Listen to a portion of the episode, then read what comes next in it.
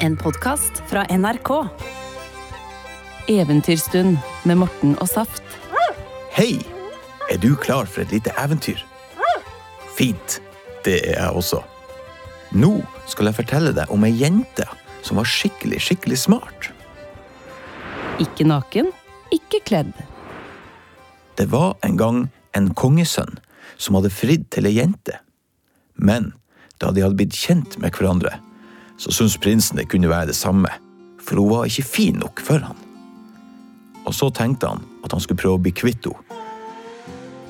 Men han lovde å gifte seg med henne om hun kunne komme til han ikke kjørende og ikke riende, ikke gående og ikke akende, ikke sulten og ikke mett, ikke naken og ikke kledd, ikke dag og ikke natt. For det trodde han at hun ikke kunne greie. Men jenta, hun var ikke snau. Hun tok tre byggkorn og beit over. Så var hun ikke mett. Men så var hun ikke sulten heller. Så kasta hun et ullnett over seg. Så da var hun ikke naken og ikke kledd. Jenta tok så en sauebukk og satte seg på.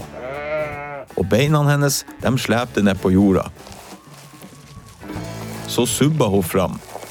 Så da var hun ikke kjørende og ikke riende.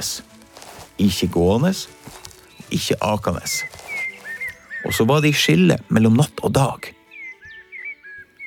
Og da hun kom fram til vakten, så ba hun om at hun måtte få prate med prinsen.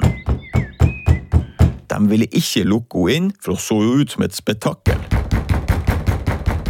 Men av det her styret våkna prinsen og kom til vinduet. Så subba hun bort til prinsen.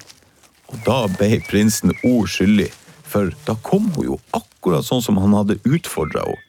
Ikke kjørende og ikke riende. Ikke gående og ikke akende. Ikke sulten og ikke mett. Ikke naken og ikke kledd. Ikke dag og ikke natt. Og da ble prinsen pent nødt til å gifte seg med henne. Og snipp, snapp, snute, så var det lille eventyret ute.